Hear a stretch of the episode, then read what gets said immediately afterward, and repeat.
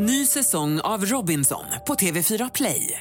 Hetta, storm, hunger. Det har hela tiden varit en kamp. Nu är det blod och tårar. Fan händer just nu. Det. är Detta är inte okej. Robinson 2024, nu fucking kör vi!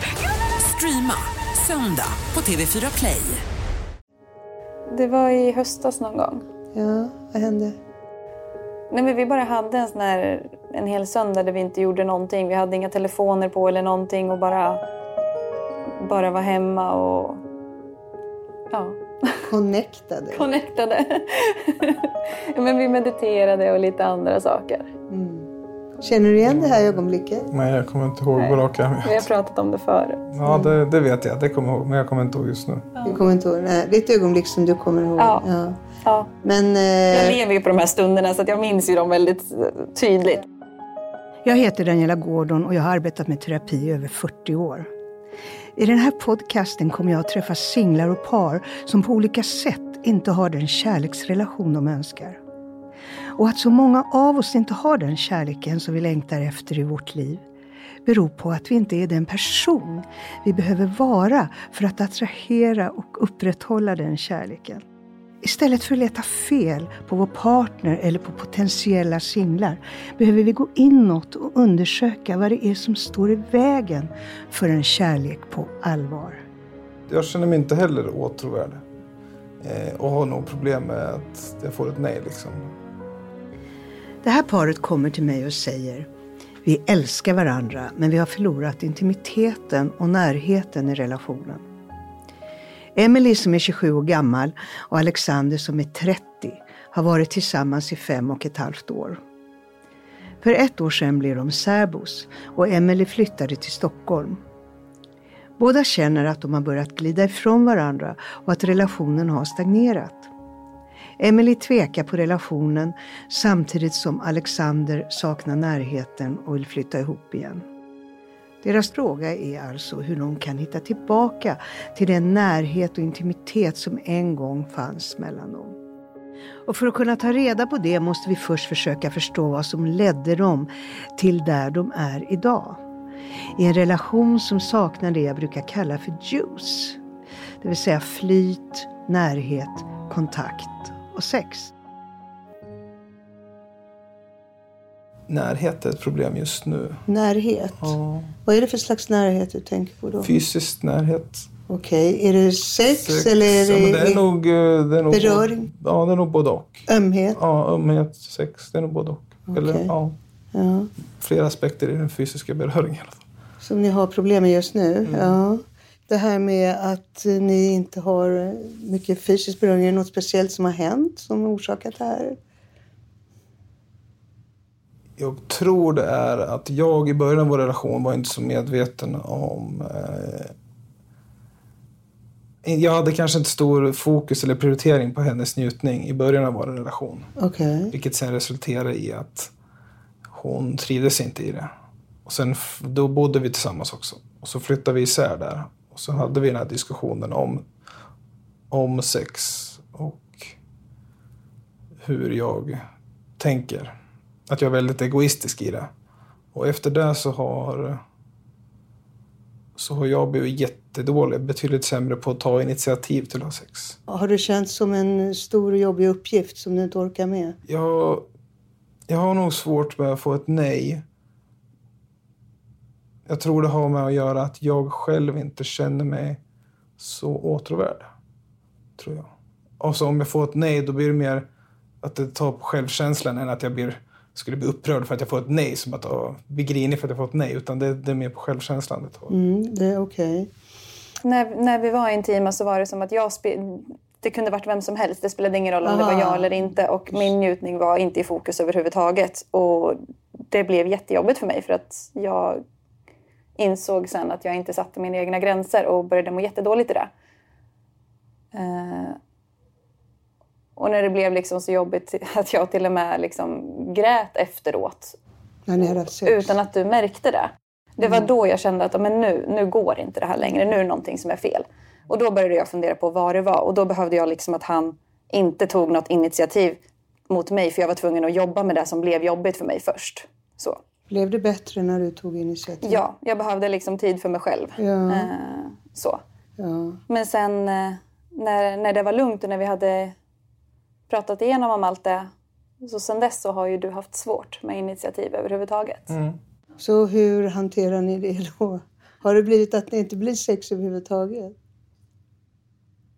Eller tar du initiativ? Eh, ja, alltså jag har ju varit den som tar initiativ. Ja. Och nu så känner jag att det bara är jag som ser till att det blir någonting. Mm. Och hur känns det då? Eh, ja, men det är det jag känner att jag, jag har väldigt mycket att ge. Jag är lite av en liksom, giver, alltså på alla sätt. Liksom. Eh, och när jag känner att jag ger och ger och ger och sen får jag inte så mycket tillbaka. Alltså både liksom, sexuellt men också på andra plan, närhet och kommunikation och allting så. Så känner jag att jag ger så mycket men jag blir inte påfylld. Jag får liksom inte så mycket tillbaka. Och då känner jag att det inte är riktigt värt. För att när jag är i någonting så är jag väldigt närvarande och jag är väldigt liksom kan ge väldigt mycket. Eh, och det känns som att det finns ingen mening med att ge det när det mest bara tar min energi utan att få tillbaka. Vad tycker du är problemet i relationen? Ehm, att vi står still. Mm. Att det känns som att vår relation inte utvecklas speciellt mycket. Mm, vad står ni still i? Alltså jag, jag, när jag tänker på vår relation så ser jag typ framför mig att absolut, det här kan jag trivas med när jag är 65. Så, för att det är väldigt tryggt och det är väldigt stabilt och vi trivs bra med varandra. Och... Men det händer inte så mycket. Så. Det är lite boring. Ja, och jag känner alltså jag är, är väldigt flummig av mig så jag tycker om liksom eh, med- meditation och så här självutveckling och eh, ja, men mycket sånt. Så det håller jag på med dels själv men jag vill också göra det lite. Vi har varit på vissa ja, men, kurser. Vad har ni varit på för kurser? Eh, meditationsgrejer. Eh, lite tantra-workshop.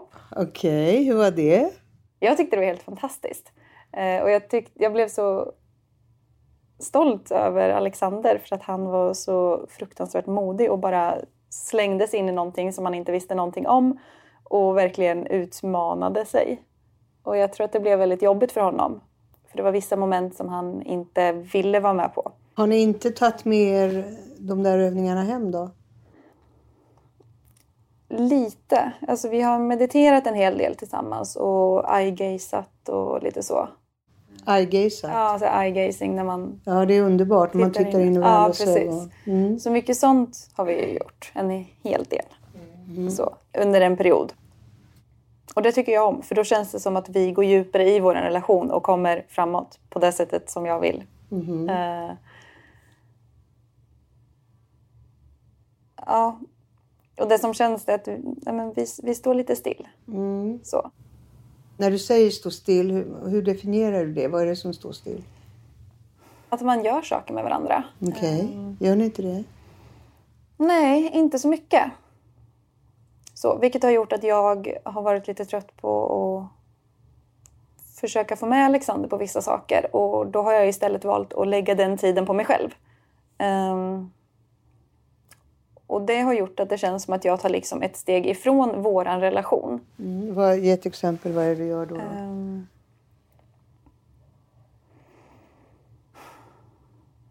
Nej men satsa på att utveckla mig själv istället för att utvecklas i våran relation. Så. Vi har ju hund så jag går ut mycket i skogen och liksom gör sådana saker som jag också skulle vilja göra. Men ni går inte tillsammans med hunden? Det, det gör vi ibland, inte jätteofta. Så. Och när Alexander går så tror jag mer att han går någon liten promenad för att rasta hunden. Medan jag bara går ut i skogen och sen går och så kommer jag hem när jag kommer hem. Så. Och vad tänker du på då? Att det här är livet. Du går ut och går själv i skogen och känner att det här är livet. Vad är det som händer? Varför är det livet då? Vad är det som är underbart med det där? Nej, men bara att vara i naturen och Ja, vad händer när du är i naturen? hittar hem. Du hittar hem, du får kontakt. ja, Eller hur? ja. När, när du tittar på träden och när du tittar på det som finns runt omkring dig så känner du en beröring inne i din kropp. Ja, men faktiskt. Eller ja. hur? Och du får, den där kontakten med den här naturen gör att du, det är någonting som lever in i dig. Som gör att du känner dig levande. Mm. Men det händer inte mellan er två, eller hur? På samma sätt. Nej. Jag försöker bara... Ja. Är det så? Ja. Ja. Ja, Det... det- det händer inte på samma sätt. För att det känns som att när du är ute och promenerar i skogen, naturen, där känner du dig så fri och öppen och har sån tillit så du behöver inte vakta på dig. Mm. Och därför kan du ta in allting och uppleva den här djupa samhörigheten. Mm. Men är det så att ni två, ni vaktar lite på varandra och er själva i förhållande till varandra? Är det så? Jag vet inte. För vi har ju haft också... Nu när du berättar om det här så kommer det upp liksom vissa saker som jag tänker på när Ja. jag känner liknande när jag är med Alexander. Ehm, när vi verkligen bara typ glömmer bort hela omvärlden och bara är med varandra. Ja, ja, det är klart att du har haft det, annars skulle Ja. du väl inte... Men hur, hur mycket har du det nu? Och hur, det är det här vi pratar ja, om. precis. Mm, Är det, är det, känns det som att du har det alldeles för lite? ja, Eller hur? ja, Eh, att ni har haft det mer? ja. Stämmer har vi. det? Ja. Både Alexander och Emily upplever att de har tappat närheten till varandra. De har flyttat isär, bor i olika städer och träffas en gång i veckan. Och för ett år sedan var det nära att relationen tog slut. Emily var den som gjorde slut men också den som ångrade sig efter bara en vecka. Alltså jag, jag vill inte ens kalla det gick isär för att det var jag som tog ett beslut och sen så pratade vi om det och så ändrade jag mig efter typ en vecka. Så Ja, att det det är så vill här, inte gå isär. jag tycker inte det. Nej. Men vi har lite olika Ja, okej. Men, Mr Black and White. Ehm, så, och det var ju att jag känner att ja, jo, jag eh, älskar Alexander och jag älskar honom jättemycket. Men jag vet inte om vi är kompatibla i en relation och jag kan älska någon men kanske inte leva resten av mitt liv med den personen. Så, det var väl det jag kom fram till. Hände det någonting med dig, Alexander, när hon ville eh, släppa relationen i en vecka? Fick du en tillitsknäck eh, där? Du menar att jag inte litar på henne? Mm, ja, någonting. Att du inte litar på kärleken riktigt. Hände det någonting där? Det känns som jag inte riktigt... Jag vet inte, alltså, jag vet inte hur jag ska uttrycka För jag är ju trygg i relationen, vår relation. Mm. Alltså, jag är ju trygg där. Men samtidigt så finns det ju just nu så finns det ändå en oro att det här ska börja komma igen. Att hon känner som hon gjorde då. Just det. Och så efter det så var det någonting som släppte din trygghet i förhållande till Emelie. Är det så? Det är vad du säger. Ja, alltså, så, alltså säkerheten om jag säger Ja. så. Säkerheten. För tryggheten den är kvar. Alltså, jag är jättetrygg. Så. Men säkerheten på något vis. Då är det, vad ja, men ska- säkerhet är ju mer trygghet. Och mindre säkerhet är mindre trygghet. Ja, alltså, när hände det här, när hände det här brottet? Ja, men jag, jag såg, när du pratade om det, så såg jag på Alexander att där hände någonting. Har ni, prat, har ni pratat om det? Jag har väl tror- försökt. Nej, jag tror inte du, du riktigt har förstått hur, hur djupt det sårade honom. Eh, jag undrar om du har förstått det själv, Alexander? Det var fruktansvärt jobbigt. Ja, du ser. Alltså, jag var, jag vill ju liksom... Jag har liksom inget problem. Jag, för mig finns det ingen tvekan. Det är det. Även fast man inte är likadana eller även fast man har sina egenheter. Eh, Och allt vad det nu är. Så jag, jag, för, för mig har det inte funnits någon tvekan även fast det varit jobbigt. Och det finns ingen tvekan även fast hon har velat bryta upp med mig. Men det känns jobbigt att inte... Att jag inte tvekar men jag vet att hon kanske gör det. ja, för att uh, bryta upp, en, det är ju en tvekan. Ja. Och du säger ju, nu säger du också, jag vet inte om jag älskar Alexander men jag vet inte om jag vill leva med honom. Så att det finns ju ett slags frågetecken från din sida. Och ehm, har du har ni pratat om vad det här innebär i relationen på riktigt? Nej, inte på Alltså riktigt. det som har hänt Ja, vad har mycket hänt? i våran Alltså jag har ju känt väldigt mycket att jag ofta får ställa rätt frågor för att få svar. Så. eh, när vi pratar om djupa saker, svåra saker, tunga saker. Det, liksom, det gäller för mig att jag verkligen tänker till vad jag säger för att, för att Alexander ska eh, kunna tänka vad han känner. För han har väldigt lätt för att lägga locket på när det blir för jobbigt. Och någonting som har varit liksom det här året sedan det här uppbrottet om man ska kalla det så. Var det ett år sedan eller? Ja, det var ungefär ett år sedan. Eh, det var ju att jag, jag har verkligen tagit ett steg tillbaka. Att, nej men, jag känner att han behöver jobba mycket på att liksom känna vad han känner. Eh, jag tycker inte att det ligger på mig att ta reda på vad han känner. För att det tycker jag att han kan göra själv. Eh, och då när jag känner att jag inte får någon respons när vi försöker prata så har jag liksom bara kunnat släppa det. Att okej, okay, du vet inte vad du tänker, då, då struntar vi i det. Så. Och då, vad händer då, då? När du struntar i det? Vi får inte lika djupa samtal om alla saker som man kanske behöver eller bör prata om eller ska eller vill eller allting så. Och, och för mig själv så blir det att jag känner att vi tappar massa konversationer. Tappar ni någonting annat än konversationer? Djuphet, närhet, ärlighet. Precis. Mm. Så om vi tittar på vad det är som har orsakat eh, där ni är nu. Att det liksom finns någon slags stagnation i förhållandet, som, vilket jag också känner. Om vi tittar då på det här som ni har pratat om nu. Mm. Eh, så känns det som att från början var ju du... Du, är ju, du har ju bestämt dig för Emily. Du ville vara med henne och kär i henne. Ja. Ja. ja. Och från början då så var du väldigt tänd på henne och tog massa sexuella initiativ. Men du, hon upplevde det som egoistiskt. Du tänkte på dig själv och din egen njutning. Kan du se det? Att du Ja, var precis. Det var inte det var rättvist. så. Det var Ja. så. Ja. Mm. Och där kände du dig ifrågasatt. För hon reagerade med rätta. Mm, ja, Men du kände dig ifrågasatt. Det var, det var första grejen Mm. som gjorde att du kände dig ifrågas, ifrågasatt. Ehm, och eh, vad händer med dig när du blir ifrågasatt? Alexander? Det var en väldigt bra fråga. Jag vet inte om jag reflekterar över det faktiskt. Nej, men reflektera nu. Vad gör du? Ifrågasatt. Alltså, jag, jag tänker det som något kritiskt. Något kritik liksom. Mhm.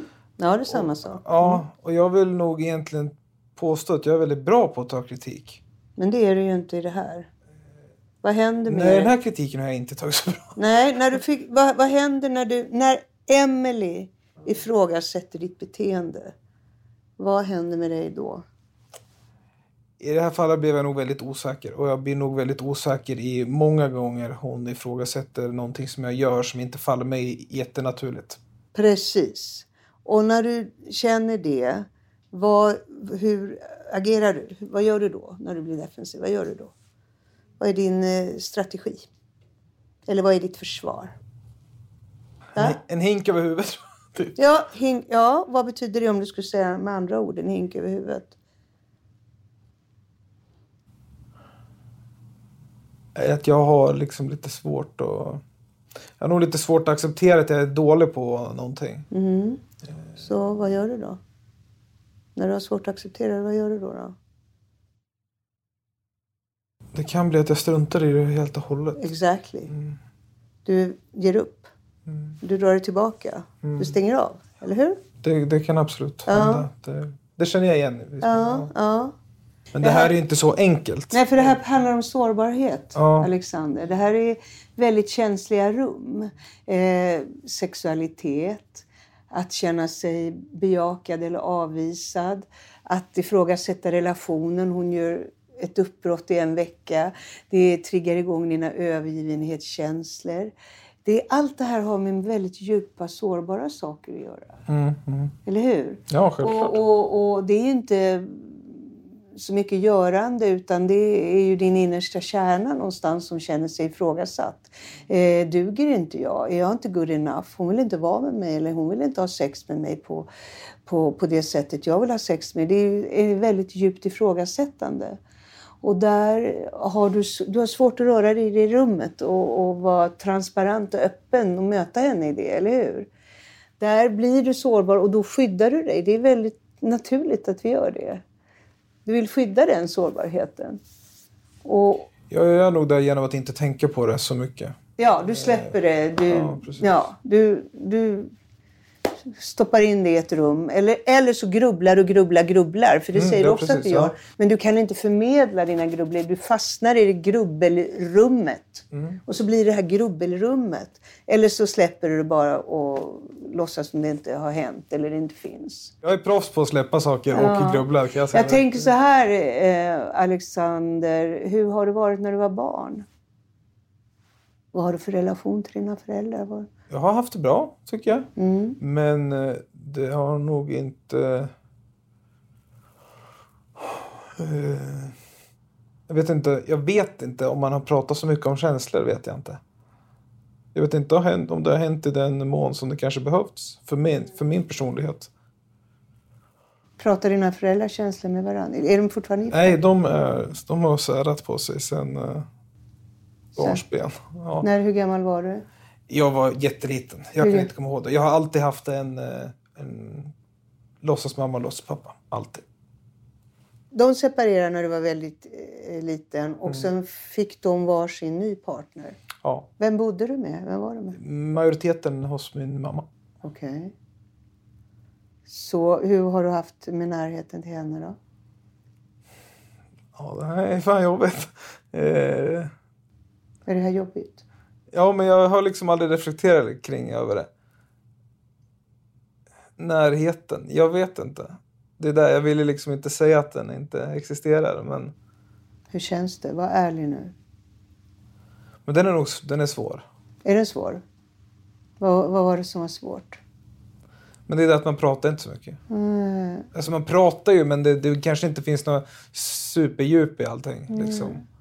Eh, men det är ju för att hon är som hon är också. Alltså, Inte avstängd själv. Ja, det, ja, man kan nog säga så. Här Ja. sitter Emily och nickar. Ja, men- En avstängd människa. Ja.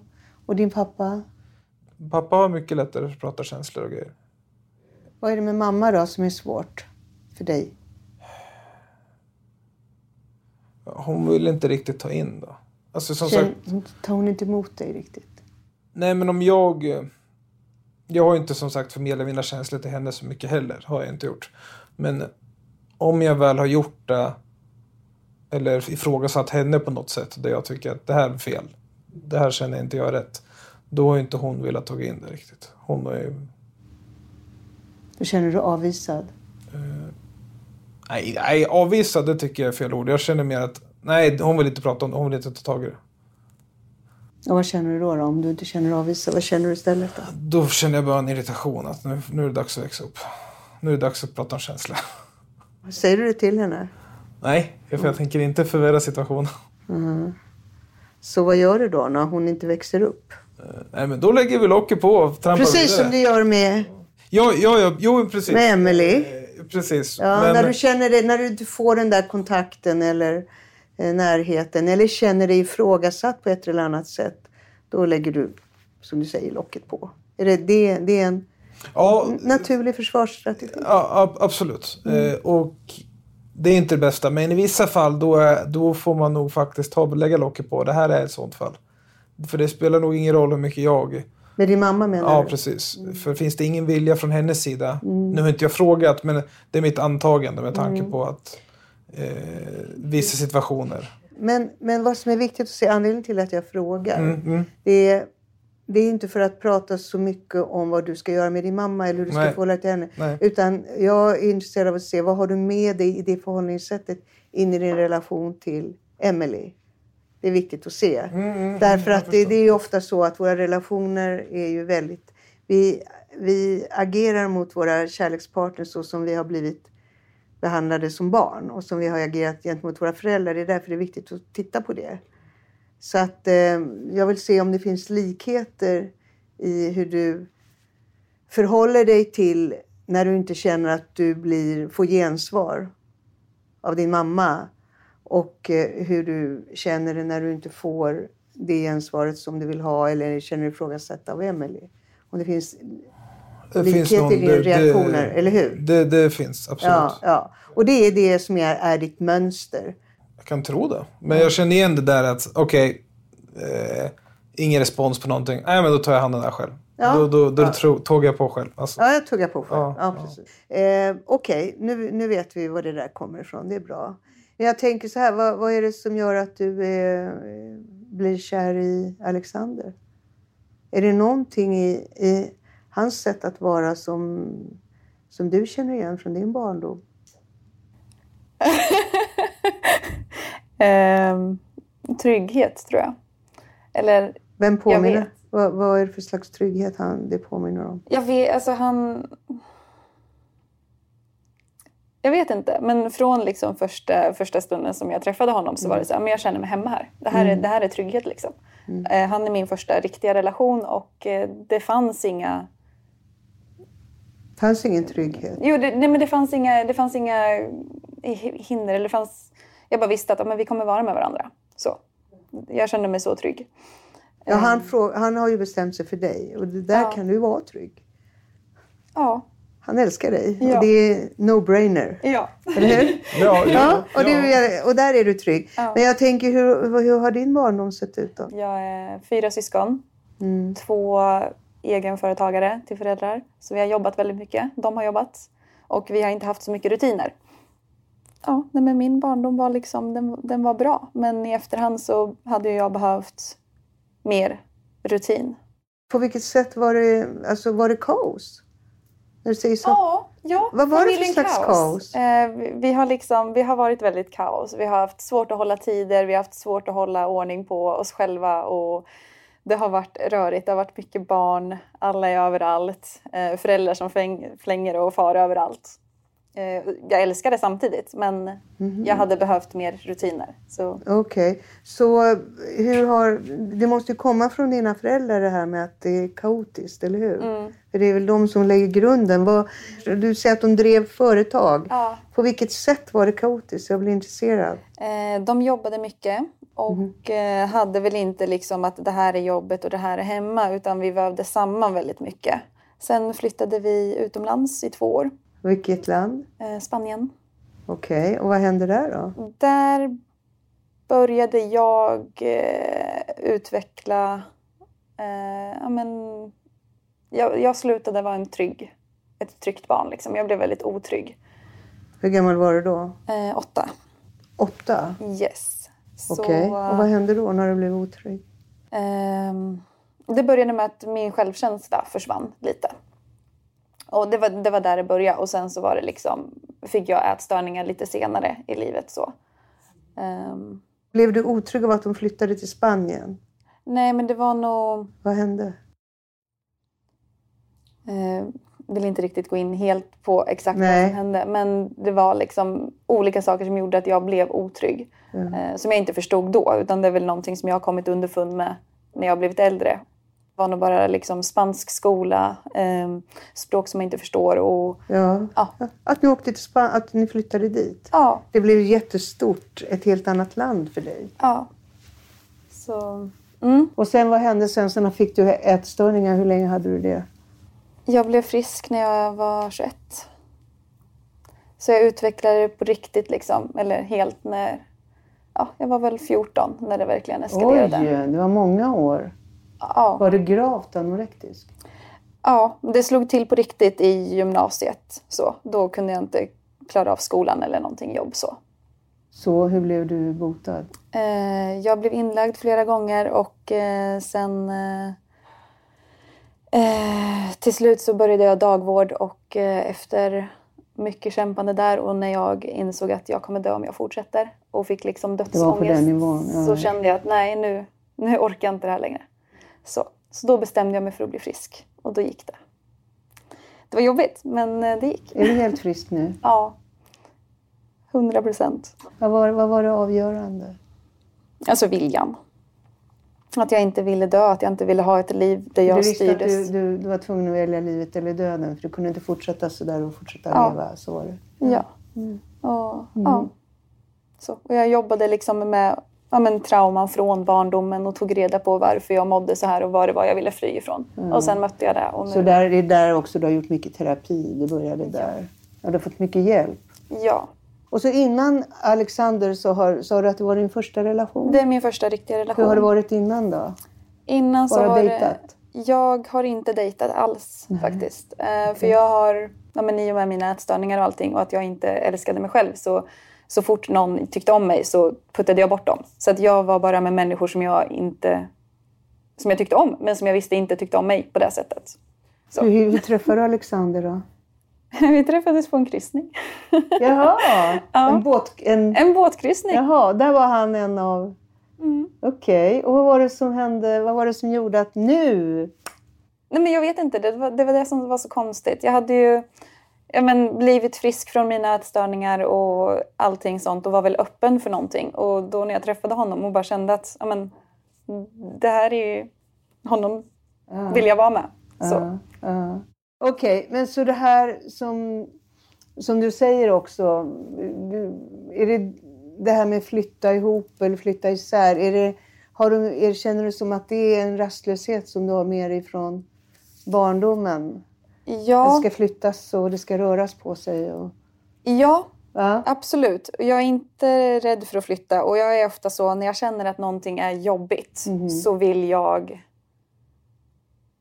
ha något nytt. Jag vill bort ifrån det. Jag vill byta så fokus. Ehm, Så det är intressant att se era, era olika strategier. För du, du vill röra, du vill bort, du vill ha något nytt. Och du istället stänger av och landar i någon slags... I din egen kropp. Förstår jag menar? För du sitter ju där du sitter. Du säger ju fortfarande du vill vara med henne. Du drar ju inte. Nej. Nej, du sitter, han sitter lugnt i båten. Eller hur? ja, jag Men hoppar i han, några han, gånger. är inte riktigt till, han blir inte riktigt tillgänglig. Utan, eh, men du, du vill dra någonstans. Men jag tänker så här också. Du vet, eftersom jag vet nu att du har haft såna här ätstörningar. Du vet, det, det är ju en enorm avstängdhet i det. Eh, Det vet du ju. Eh, så, så jag tänker, hur, vad, vad är det som får dig att stänga av i förhållande till Alexander?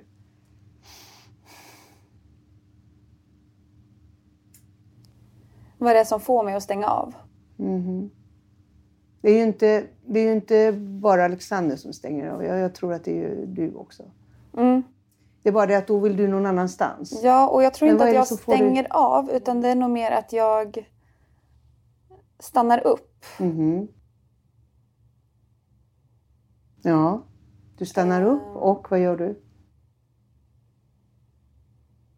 Går vidare med mig själv istället. Mm. Det är så du stänger av. Och hur går du vidare? Så han, alltså egentligen gör ni liknande saker. Du går in i ditt, han går in i sitt rum där han sitter och grubblar eller stänger av. Du säger jag går vidare.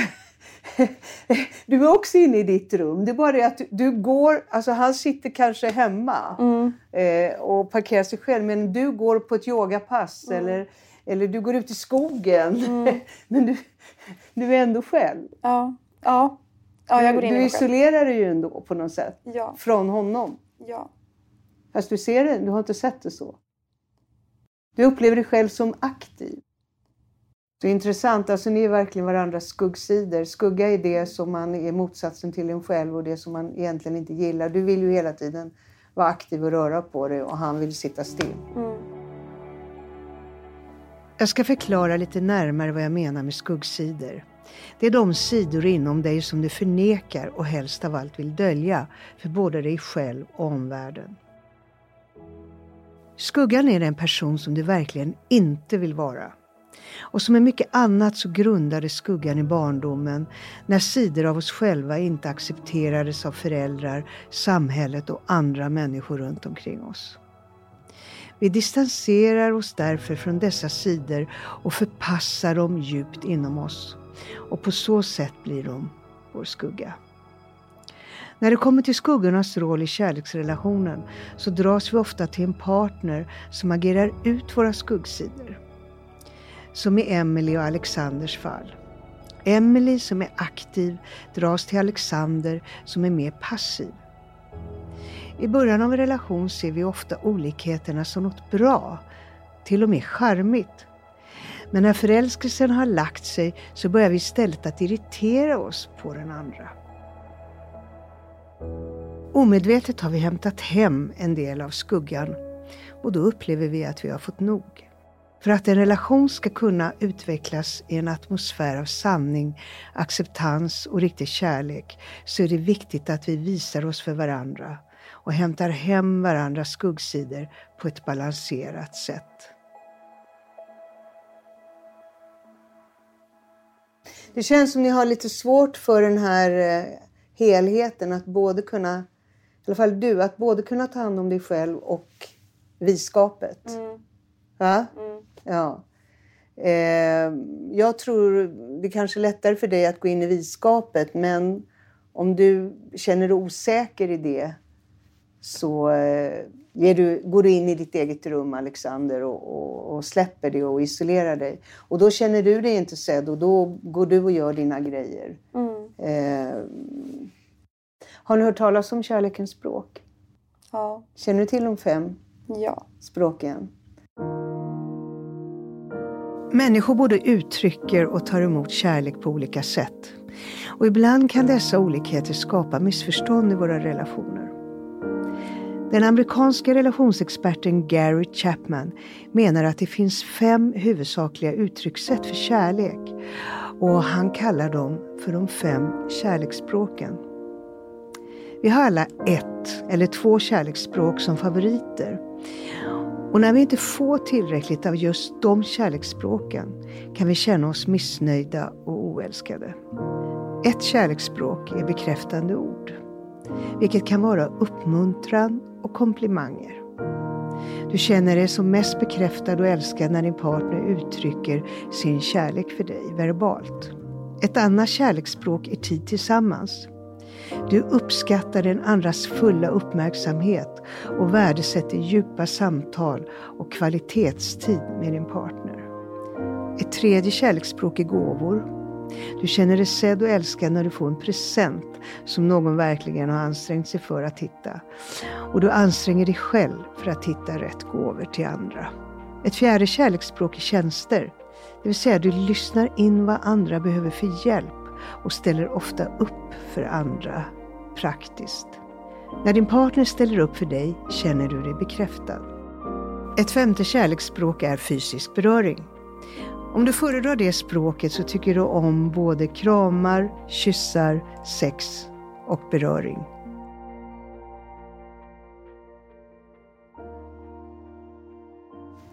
Okej, så vad är ditt språk? När känner du dig älskad? Vad behöver du? Ja, men det är nog beröring och bekräftelse. Alltså, bekräftande ord? Ja. Så det är fysisk beröring och bekräftande ord? Ja. Mm. Tycker du att du får mycket av det? Nej. Nej. Och det var det jag gillade det hennes, med... Det är ja. hennes kärleksspråk. Mm. Mm. Okej, okay, men det, det, här har inte du vetat så här renodlat, eller hur? Alltså jo, men jag, vi, det där vi, vi pratar ju på olika sätt på det sättet. För jag är mer, jag gör jag ställer ju alltid upp, jag gör ju alltid. Alltså jag, jag ger ju alltid mig själv, men inte på de sätten som hon behöver. För de faller inte mig naturligt. När man har det som språk, då är det verkligen den andra ska anstränga sig att ge det till en. Det vill säga, hon behöver bekräftande ord.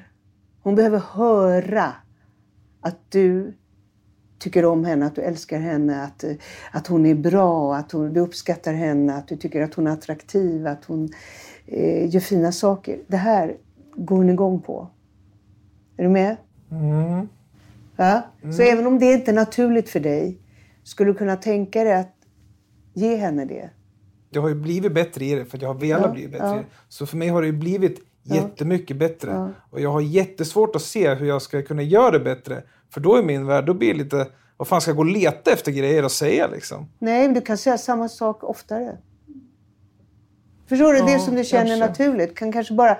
Så här, gör det inte till en stor sak som du låser, låser dig. Det är inte meningen. Men du kan, du kan bara veta det. Hon blir otroligt... Hon känner sig jätteälskad när jag säger bekräftande ord till henne. Det är bara, ha, du kan väl ha det bara som en kunskap. För det finns fyra saker som är en killer i en relation. Vet du vad det är? Det borde, måste, alltid och aldrig. Det är en killer. För det är bara krav, krav, krav, krav. Det är jättestor skillnad på en önskan och ett krav. Du ska inte se det som ett krav. Det är en önskan. Hon önskar att hon får lite mer. Förstår du? Det blir mycket, Ja, jag förstår. mycket, Jag mycket förstår. mjukare. Och det andra är beröring. Vad är ditt kärleksspråk? Mitt är Eller dina? Man brukar ha två. tid tillsammans och beröring. Beröring, fysisk beröring. Och eh, Alexander behöver tid tillsammans. Och där tror jag att du kan ge mycket mer. Ja, du sitter, du sitter, för du vill gärna dra iväg själv. Mm. Och, och, Eller hur? Och det kan du känna att du får inte tillräckligt mycket tid med henne, eller hur? Ja, jag ska ge, jag ska ge lite övningar. För det första eh, så är min erfarenhet med, med klienter att, som har tappat eh, sexlusten eller sex, att eh, tappat initiativet till sex i relationen är att eh, om man bestämmer sig för att vi ska ha sex en dag i veckan och det är samma dag varje vecka. Alltså betyder onsdagen är vår sexdag. Jag ska säga varför. Eh, för när det är samma dag, då behöver man inte sitta och diskutera. Ska vi ha det i tisdag? Ska vi ha det på lördag? Då blir det en diskussion. Man fastnar i diskussionen. Båda vet att onsdag är vår sexdag och vi har sex den dagen. Och vi värderar inte om det var bra eller dåligt. Eller dömer, utan vi har det bara. Därför att det här är ett så bra sätt att komma igång på. Eh, det här eh, gör par som har fått barn och inte haft sex på två år. De kommer igång. Alla har kommit igång. Gör det en gång i veckan. Och vad som händer då är, då blir det naturligt eh, att man har det. Och då kanske man vill ha det oftare. Man får ha det oftare, men man får ta det mer sällan. För att vad som händer är, en gång i veckan, då har man i alla fall den här kontakten. Och bara det är en tillfredsställelse att vi, vi har det. Och du, ingen behöver bli rädd för att bli avvisad. Det är den stora grejen också. För det, ni har bestämt det. Och det är väldigt skönt, för att man riktar också in sig på det psykiskt. Vad tycker du om det här, Alexander? Eh, ja, jag, jag, som sagt, jag är på det. Absolut. Är du på? Ja. Och, och att bara inte vara dömande, inte recensera hur det var. Men naturligtvis, ni har ju ändå redan lärt er. Har, tycker du att Alexander tänker på dig nu för tiden? När ni väl har det? ja, det tycker jag. När vi har det. Ja, så. Eh, När ni har det? Ja, ja. Men nu ska ni ha det en gång i veckan och då vet ju du Alexander, eller hur? Ja, ja, ja precis. Ja, ja, ja, bra, bra. Har, har du gjort någon upptäckt när det gäller Alexander idag? Som du, som du har med dig?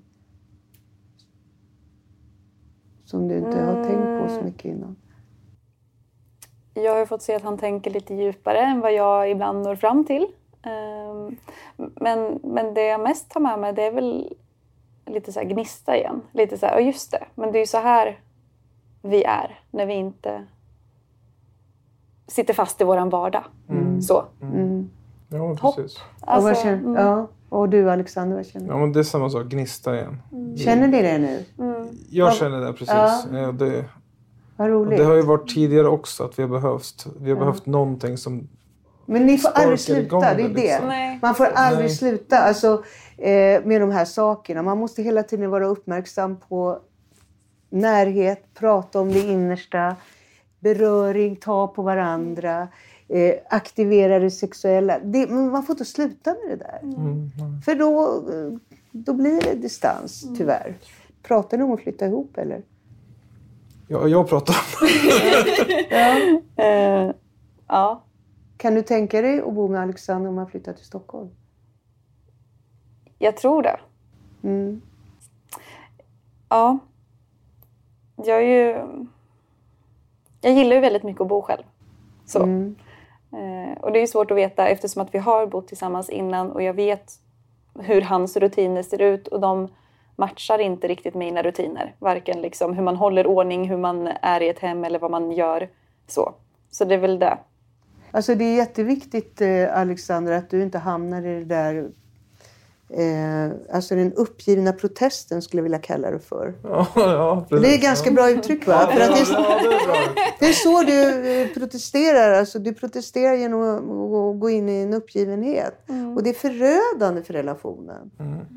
Eh, och, och, och vill du eh, leva med, eh, med Emily så är inte det vägen. Du vill ju Absolut leva inte. med henne och hon behöver en man som tar initiativ.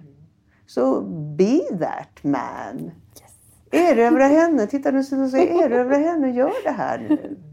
Ja, men det, ja, men precis. Där är min ansträngning. Det är därför jag är mer i Stockholm nu också än vad jag Ja, varit bra. tidigare. För att bevisa for att it. eh, liksom... Alltså om du inte gör det så kommer hon, hon, då kommer hon ge upp det. Mm. Ja, så är Eh, det. ja, och det, så du har det valet faktiskt. Att eh, bjuda till eh, eh, ordentligt. Eh, är det inte så? Jo.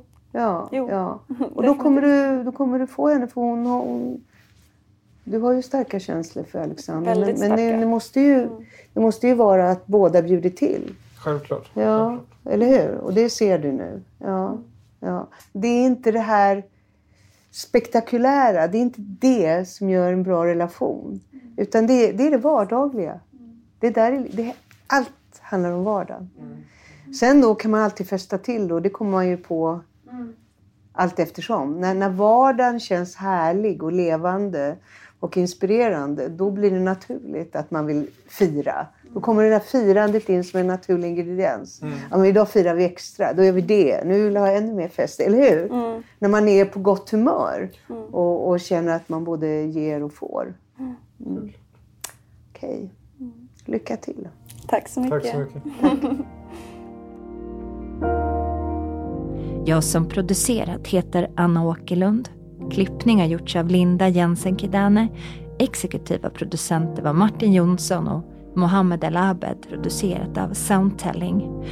Och om du som lyssnar själv vill medverka i programmet eller om du och din partner vill vara med så mejla oss på contact at soundtelling.com och då stavas contact som på engelska. Alltså contact at soundtelling.com. Ny säsong av Robinson på TV4 Play. Hetta, storm, hunger. Det har hela tiden varit en kamp. Nu är det blod och tårar. liksom. Fan händer just nu. Det. är Detta är inte okej. Robinson 2024, nu fucking kör vi! Streama söndag på TV4 Play.